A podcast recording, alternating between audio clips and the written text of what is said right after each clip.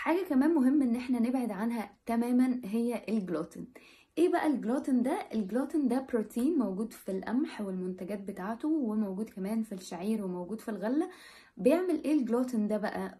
بيدمر الجهاز الهضمي بيتعب المعدة والأمعاء وبيعمل مشاكل كبيرة فيها لدرجة إنه ناس كتير من اللي بتقول إن هي عندها قولون عصبي هو مينلي السبب بيبقى في منتجات القمح اللي فيها جلوتين.